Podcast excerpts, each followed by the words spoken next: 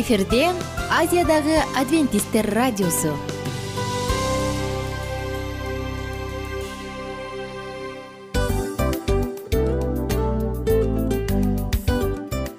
Салам достор.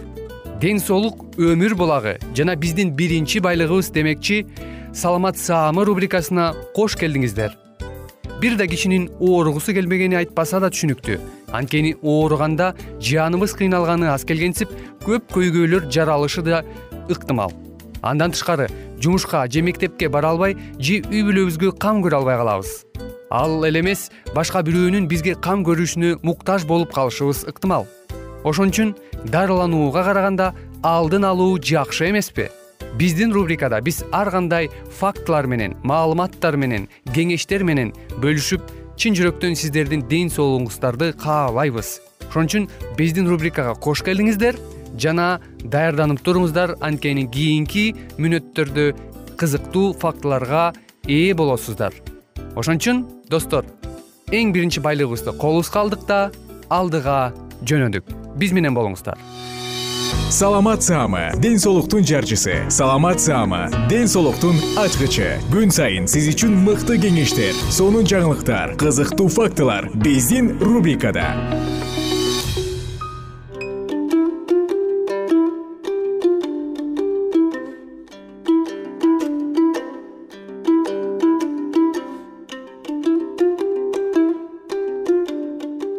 өткөнкү берүүбүздө биз сиздер менен вегетарандык диета башкача айтканда вегетарандык азык түлүккө өтүү жана вегетарандык э, тамак менен кантип тамактаныш керек ушул жаатта сөз кылганбыз. Бүгүн дагы биз сапарыбызды ошол эле теманын алкагында улантмакчыбыз. Андыктан биз менен бирге болуп дал ушул программада сиздин саламаттыгыңызга өтө зарыл болгон э, жакшы кеп кеңештерге ортоктош боло аласыз деген үмүттөбүз жеген тамагы эт азыктарына негизделген бир адамды тамак менен камсыз кылуу үчүн зарыл болгон жер жыйырма вегетарианчыны багар эле. Жарым гектар жер сексен килограмм уй этин же бир тоннага жакын картошка алууга мүмкүндүк берет. Малканада багылган букачаардын жергиликтүү эт алуу үчүн он килограммдан эгин жана соя бурчагын сарптоо керек дан эгини менен бурчактарды этке айландыруу системасына пайдалуу аракет коэффициенти бар болгону он гана процентти түзөт. Вегетарианчылык азык түлүккө өтүү э, жана ошондой эле э, бул азыктарга эмнелер кирет деп турган болсоңуз анда буга бурчак жана ошондой эле даан азыктары кирет экен андан сырткары э, өзүңүздүн саламаттыгыңыздын сак болушуна э, жакшы э, жардам бергиңиз келсе анда сиз мал жандык жана ошондой эле канаттуулардын эттеринен баш тартып койсоңуз дагы жакшы болот экен. Дүйнөдөгү көптөгөн өлкөлөрдүн жада калса ачка адамдарды тойгузууга бул диета аркылуу сиз мүмкүндүк дагы бергенге өз салыңызды кошкон болот экенсиз чет өлкөлөрдөн э, азык түлүк сатып алган өлкөлөргө азык түлүк менен өзүн өзүн камсыз кылууга жардам берер эле мисалы ар бир адамда эле мындай суроо туулат болуш керек. Вегетарианчылар тамак менен организмге зарыл болгон баардык заттарды ала алышабы. Биз мурунку программалардан билгендей эле чоң кишинин белокту суткалык керектөөсү кырк төрт граммдан алтымыш бир граммга чегинде болот. Бул болжол менен тамак рационунун суткалык калориялуулугунун он пайызын түзөт. Бифштекстин болжол менен жыйырма пайызы калориясы белок катары пайдаланууга жарайт жашылчалардын көбүнчө жалпы калориясы жыйырма пайыздан ашыгы белоктун үлүшүнө туура келет. Дан өсүмдүктөрүнө он эки пайыз бурчак менен уруктарда калориялуулугу отуз пайызды пайдаланууга жарактуу белокту камсыз кылат. Ошондуктан эгер сиз тамак менен жетиштүү өлчөмдөгү калорияларды алсаңыз анда организмиңизге белок да жетишээрлик барат. Өсүмдүк азыктарына белок жана клетчатка арбын. Алар май өтө аз жана холестерин таптакыр жокко эсе мисалга алсак илимий изилдөөлөр таза вегетарианчыларга анча көп эмес витаминин. Мисалы в он эки керек болсо да өсүмдүктөн алынган азык заттардын ар түрүнөн тамак ашка колдонуу адамды өз ара толуктап туруучу белоктор жана темир менен камсыз кылгандыгын көрсөткөндүгүн далилдешкен вегетариандык диетага өтүү менин салмагыма таасир этеби деген көп адамдар балким ушул суроо менен ойлонуп калышты.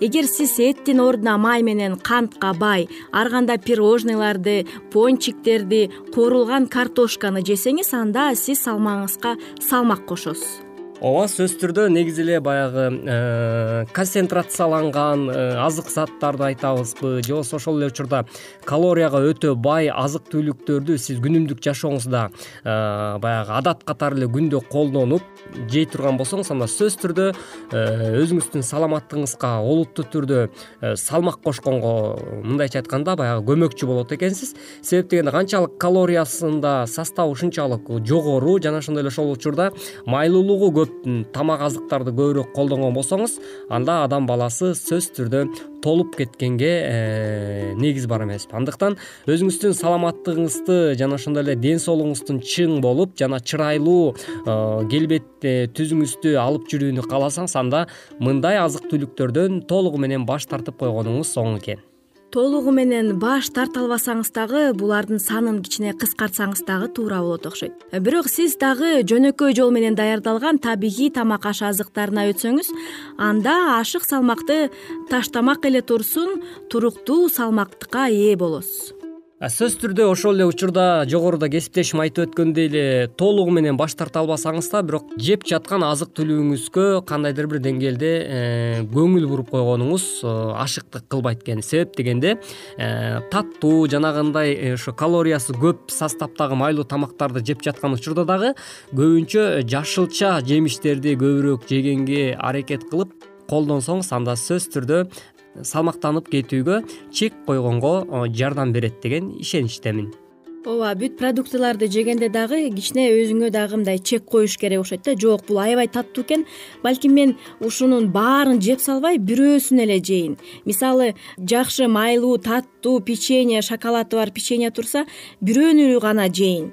А биз бирди жеп баштасак бүт тарелканын баарын э, бошотуп койгонго негизи эле адам баласынын көзү баягы көрүп турса эч убакта тойбойт эмеспи. Анысыкандай дагы бир элибизде жакшы сөз бар го баягы кекиртек кекиртек кыйла жерге секиртет деп коет го ошонусукандай кекиртек сурай берет экен жей бериш керек экен деп эле э, ач көздүк менен э, баардык нерсени э, мисалы маймаңдап жей бериш дагы бул өтө чоң сиздин ден соолугуңузга туура эмес. Ар кандай ооруларды алып келип калышы толугу менен ыктымал экен тамактын аралыгында дагы беш алты саат өтүш керек экен. Биз ал алты саат күтпөй эле мисалы эртең мененки тамактанабыз э, түшкө жетпей эле дагы бир нерсе шам шум эте калабыз андан кийин балким жумушта болсок кофе ичип алабыз кофени дагы эки э, чай кашык э, кант салып анан сливкиден куюп алабыз канттын артынан дагы ошол мүмкүн ар кандай таттуу татымдарды кошо жеп э мисалы пирожныйларды ар кандай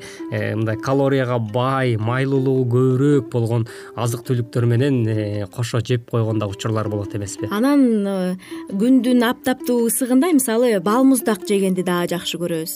Бал муздактын калориясы дагы өтө жогору майлуулугу дагы өтө жогору болот. Ооба мисалы ушул күндүн аптаптуу ысык мезгилдеринде балким биз ошо алкоголсуз суусундуктарды буга кошумчалай айта кетсек кока кола пепси фанта деген сыяктуу ушундай суусундуктарды дагы көбүрөөк колдонуп коет эмеспизби муздаткычтын ичин ачып бүгүн эмне жеп дегендин ордуна ашканага барып суу ичип андан кийин бир жарым сааттан кийин анан тамактансаңыз дагы туура болот окшойт сиздин жашооңузга бул биз айтып өткөн кеңештер сөзсүз түрдө өзүнүн жакшы э, жардамын берсин деген тилек менен бүгүнкү бизге бөлүнгөн убакыт дагы өз соңуна келип жетип калыптыр. Андыктан биз бүгүнкү программабыздын каалагасын жапмакчыбыз.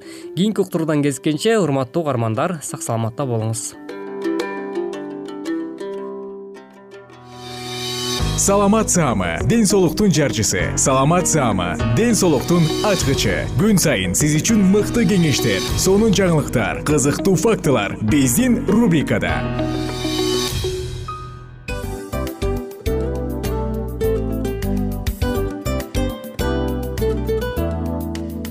Салам достор. Ачуу душман акыл дос.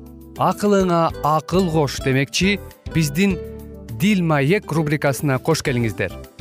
Дил маек программасында ар кандай темаларды козгойбуз. Балдарды өстүрүү аларды тарбиялоо кантип балдарды бактылуу кыла алабыз.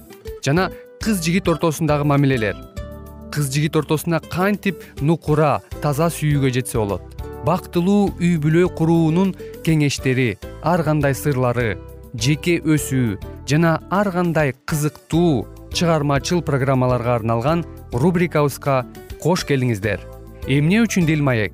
Анткени дил маек эки адамдын баарлашуусу сырдашуусу. Сизди да биз менен сырдашууга чакырабыз.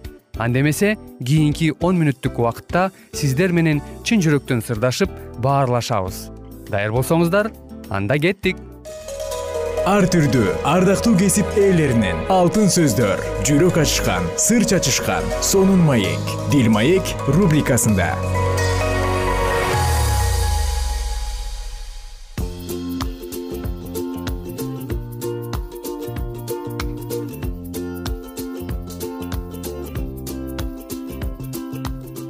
кутмандуу куш убак күнүңүздөр менен достор. Жалпыңыздарга дагы бир жолу салам айтабыз. Дил маек радио баракчасы старт алды.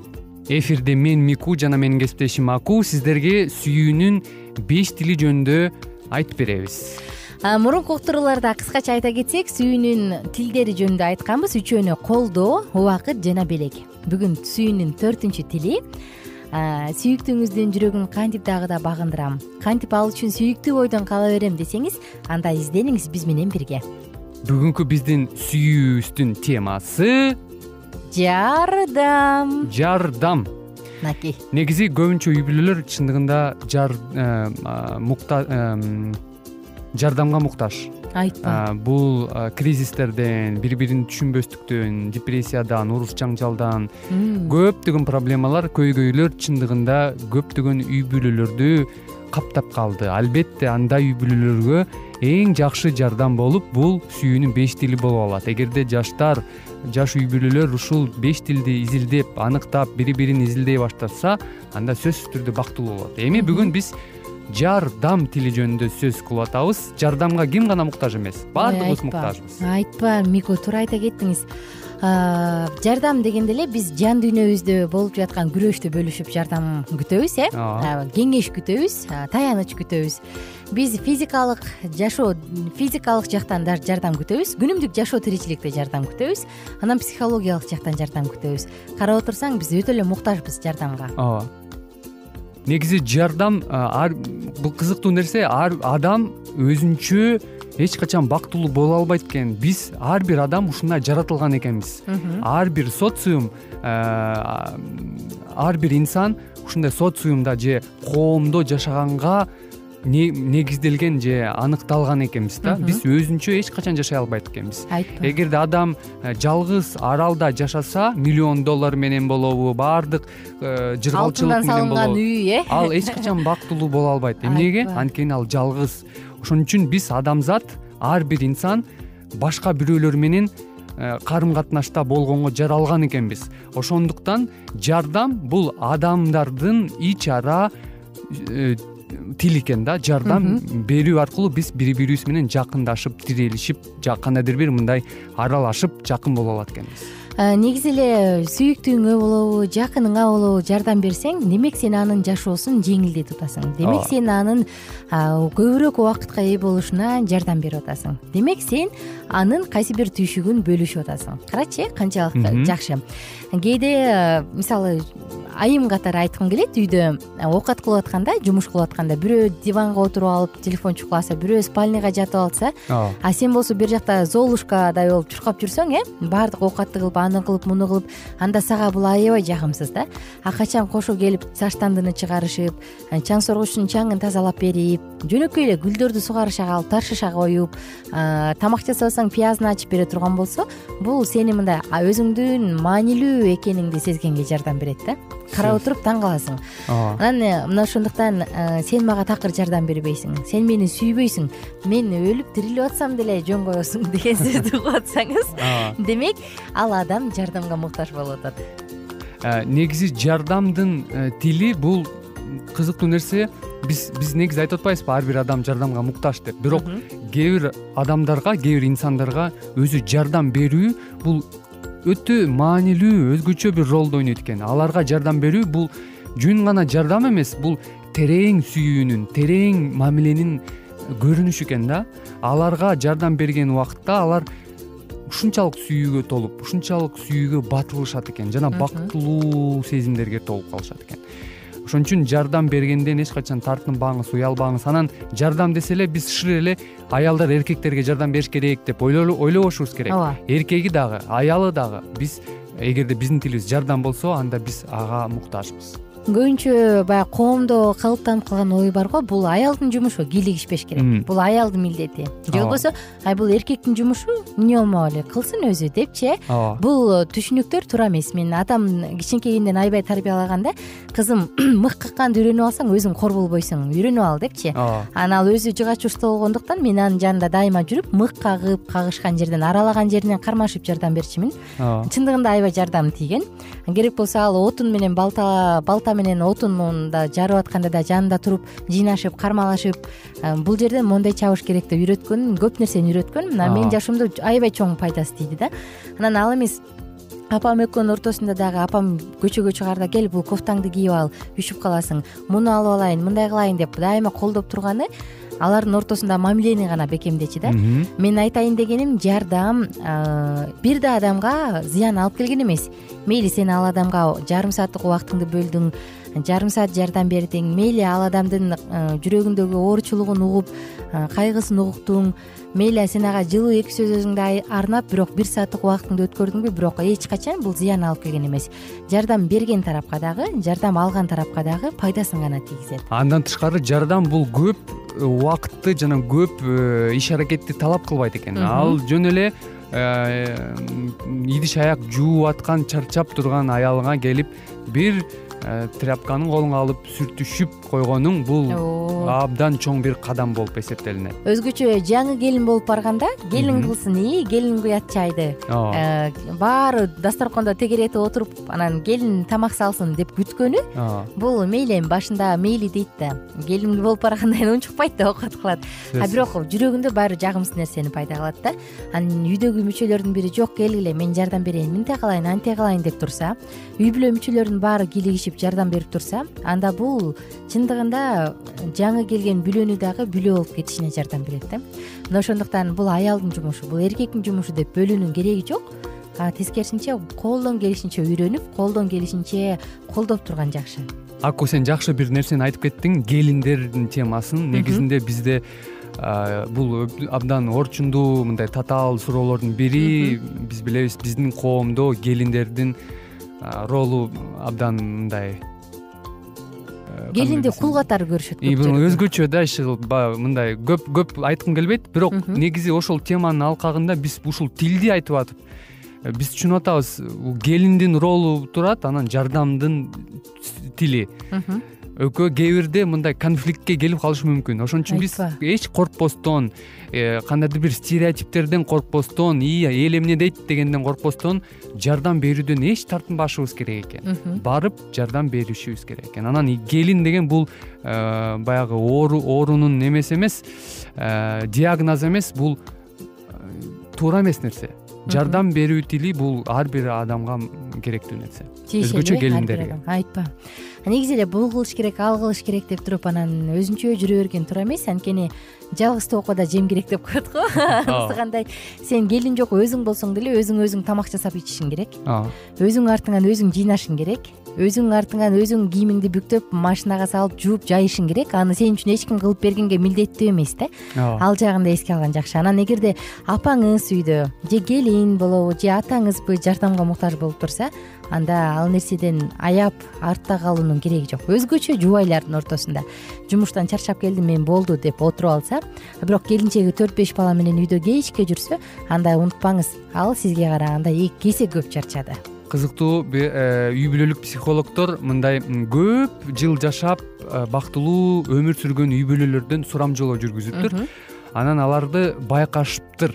Эмне кылат экен? Эмнеге алар мынчалык бактылуу? Эмнеге көп жыл жашашат? Эмнеге аз оорушат десе көрсө алардын жашоосунда э, жардам бири бирине жардам берүү абдан орчундуу мындай маңыздуу ролду ойнойт экен да көп. Алар эч тартынбастан бири бирине жардам беришет. Бир пакет болсо дагы чогуу көтөрүп бир идиш болсо дагы чогуу жууп бир дүкөнгө чыкса чогуу чыгып иши кылса чогуу бир нерсени бөлүшүп бири бирине жардам берип турган нерсе бул ошондой бактылуу өмүр сүргөн үй бүлөлөрдүн бир мүнөздөмөсү экен мынакей карачы сүйүүнүн сыры эмнеде? Ооба анда достор эмне дейбиз? Эгерде келинчегиңиздин сүйүү тили жардам болсо бирок сиз бактылуу никени каалап жатсаңыз анда жардамыңызды аябаңыз.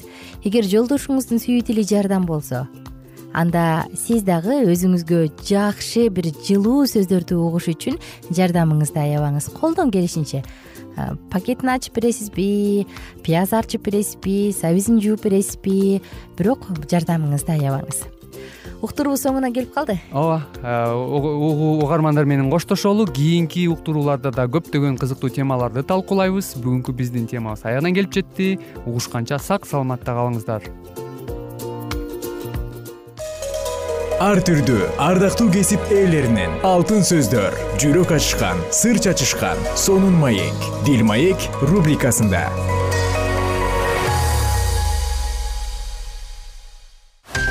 жан дүйнөңдү байыткан жүрөгүңдү азыктанткан жашооңо маңыз тартуулаган жан азык рубрикасы.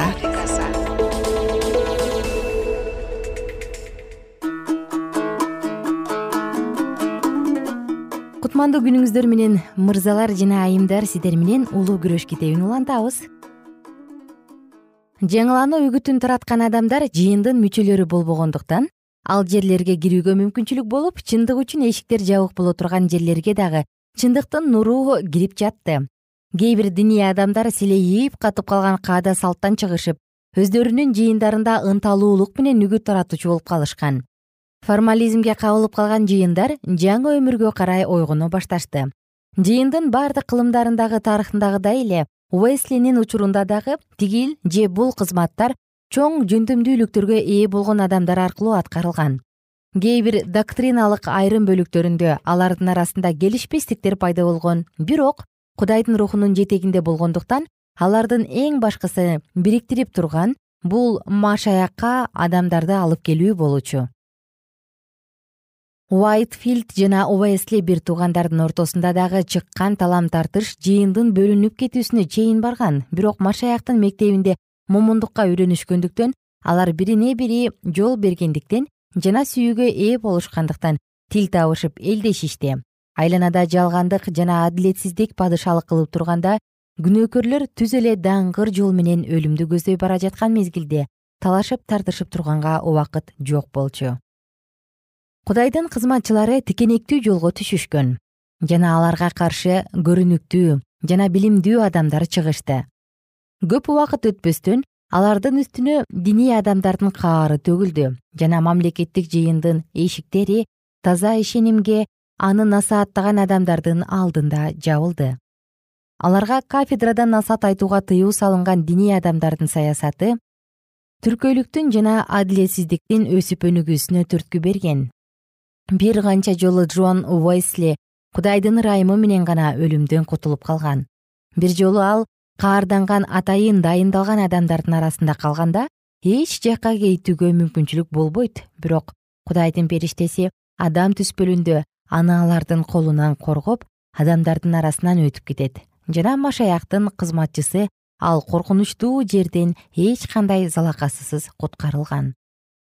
Ушундай бир ажайып мезгилдердин эске салып уэсли мындай деп айтты качан биз бийик тоодогу тайгалаак бир тамаан жол менен түшүп келе жатканыбызда кээ бир адамдар мени чалып жиберүүгө аракеттенишкен. Анткени мен бир жыгылсам кайра тура албастан мерт болот деп ойлошкон. Бирок мен бир дагы жолу чалынган жокмун жана менин душмандарымдан ийгиликтүү буйтап кеткем. Бир жолу дагы акча салынган чөнтөгүм жартысына чейин эле айрылып калат. Жана бир албеттүү жигит мени келтек менен бир нече жолу кээрилип урган. Анын бир эле урган келтеги башыма тие турган болсо мен үчүн жеткиликтүү болмок. Мен же оңго же солго кайрылбасам дагы эмнегедир ар бир ургандары мага тийбестен өтүп жатты. Башкасы калың элдин арасынан суурулуп чыгып мени муштап жибергиси келди эле эмнегедир көтөргөн колун түшүрүп калды. Жана мага акырын гана сылоо менен мындай деди. Карасаңар анын чачы кандай жумшак? Чындык жүрөктөрүн черткилеген алгачкы адамдар ашынган тентектер болушкан. Алардын бирөөсү уруштардын баарына катышып чыккан. Кудай өз эркин аткарыш үчүн бизди акырындык менен жана жумшактык менен даярдаган. Мындан эки жыл мурда мени көздөй ыгытылган кирпич менин даалымдыган акырын чийип кетти. Бир жылдан кийин бир таш мурунумдун кайсынысына тийген өткөн айда муш жегем ал эми бүгүн кечинде эки жолу таяк жедим. Биринчисин качан биз шаарга кирип бара жатканыбызда? Экинчисин качан бизди ал шаардан кубалап чыгышканда? Бирок мунун баардыгы болбогон нерселер болчу. Кайсыл бир адамдар мени болгон күчү менен төшкө уруп калды. Ал эми экинчиси оозго урду жана ураары менен оозумдан кан атып кетти. Бирок мен эч кандай ооруганды сезгеним жок жана мага бир куурайда гана тийип кеткен сыяктуу сезилди. Методисттер өздөрүнүн алгачкы уюшкан жылдарында ишенгендер дагы жана насаатчылар дагы мамлекеттик жыйын мүчөлөрү жана ар кандай ушактарды таратышкан капыр адамдар аркылуу дагы шылдыңган жана куугунтукка кабылышкан. Сот икирлеринин арасында адилеттик сейрек учурай турган мейман болсо дагы методисттерди далай ирет соттошкон ишенген адамдар көп жолу зомбулукка кабылышкан. Көчөдөгү бекерпоз адамдар дагы алардын турак жайларын эмеректерин жана идиш аяктарын талкалашып эр адамдарын аялдарын жана балдарын дагы шылдыңдашкан. Кээде методисттерди талкалоого келип катышкыла деген жарлык таратышкан жана кайсыл жерге качан барып чогулуш керек экендигин айтышкан. Кудайдын даңкы жана мамлекеттик дагы мыйзамдарды бузган ушунчалык катуу жана апачык ката кетирүүлөргө эч кандай тоскоолдук көргөзүлгөн эмес. Бул адамдардын мындай жагдайга кабылгандыгынын жана кайра кайра куугунтукталгандыгынын себеби алардын күнөөкөрлөрдүн бутун өлүм жонунан ыйыктыкка буруш үчүн жасаган аракеттери болчу. Өзүнө жана өз жолдошторуна карата көргөзүлгөн айыптоолорго жооп берип жатып уэсли мындай деди кээ бир адамдар минтип айтышат алардын билимдүү адамдары баштап биз угуп көрбөгөн жалганчылар ката кетиришкен фанатиктер ал эми аларга барган адамдар чардаган папалык жактоочулар. Бирок буга карата эч кандай далилдер жок. Англиялык жыйындын талдоосу боюнча бул окутуулардын баардык нерселери ыйык жазууга негизделген. Эгерде жазуулар чындык боло турган болсо анда бул окутуулар дагы жалган жана жаңылыштык болуусу мүмкүн эмес башкалары болсо мынтип айтышты. Алардын окутуулары өтө эле катаал. Алар асманга бара турган жолду өтө эле кууш кылып жиберишти. Бул айыптоо ошол кездеги алар үчүн айтылган жалгыз гана айыптоо болуп саналган жана буга калган нерселер кошумчаланып турган. Эмне? Алар бул жолду машаяк жана анын шакирттеринен дагы таргылып жатышабы? Көңүлүңөрдү алардын кээ бирине гана буруп көрсөңөр. Өз кудай теңириңди чын жүрөгүң менен жана жан дилиң менен жана болгон түшүнүгүң менен сүй. Адамдар ар бир айткан орунсуз сөздөрү үчүн сот күнүндө жооп беришет. Ичесиңерби же жейсиңерби же башка бир нерсе кыласыңарбы баарын кудайдын даңкы үчүн кылгыла. Айымдар жана мырзалар сиздер менен уктуруубузду кийинкиде улантабыз ушул менен достор программабыздын уктуруубуздун эң кайгылуу мөөнөтүнө келип жеттик. Кайгылуу дегенде ыйлагым келип кетти кесиптеш кадимкидей. Анткени баягы учурашасың анан коштошуу учур келгенде ии кантип ии эми эми бат баттан келиптир э сагындырбай деп атып араң коштошобуз го. Анысы кандай? Угармандарыбыз менен коштошчу учур келди. Кийинки уктурууларды сагыныч менен жүрөгүбүздө кусалык менен күтөбүз жалпыңыздарды анан жарым сааттык уктуруу көз ачышым канча өтүп кетти. Сөзсүз бирок бизде жакшы кабар бар. Кийинки уктурууларыбызда сөзсүз дагы кезигишебиз. Анткени биз көптөгөн сюрприздерди кызыктуу маалыматтарды жана керектүү керектүү нерселердин көпүнчөсүн даярдадык андай угармандарыбыздын баардыгына ийгиликтүү күн каалайбыз. Эгерде бүгүнкү күнүңүз өзгөчө э, өтүшүн кааласаңыз анда позитивдүү ой жүгүртүп жылмайып жакындарыңызга жакшы маанай тартуулап жүрө бериңиз анткени сөзсүз түрдө мунун арты кайтат э? Сөзсүз. Баягы ден соолугуң оңолот ал бул деп көп нерсени санап келебиз. Эң негизгиси бул сиздин жашооңузду жаркын кыла түшөт экен. Жараткан кудай ар бирөөңүздөргө батасын берсин жашооңуз ийгиликтүү болсун сак саламатта калыңыздар деп мен милан жана кесиптешим айнура баардыгыңыздар менен кийинки уктурууда үн алышканча. Баарыңыздарга ийгилик каалайбыз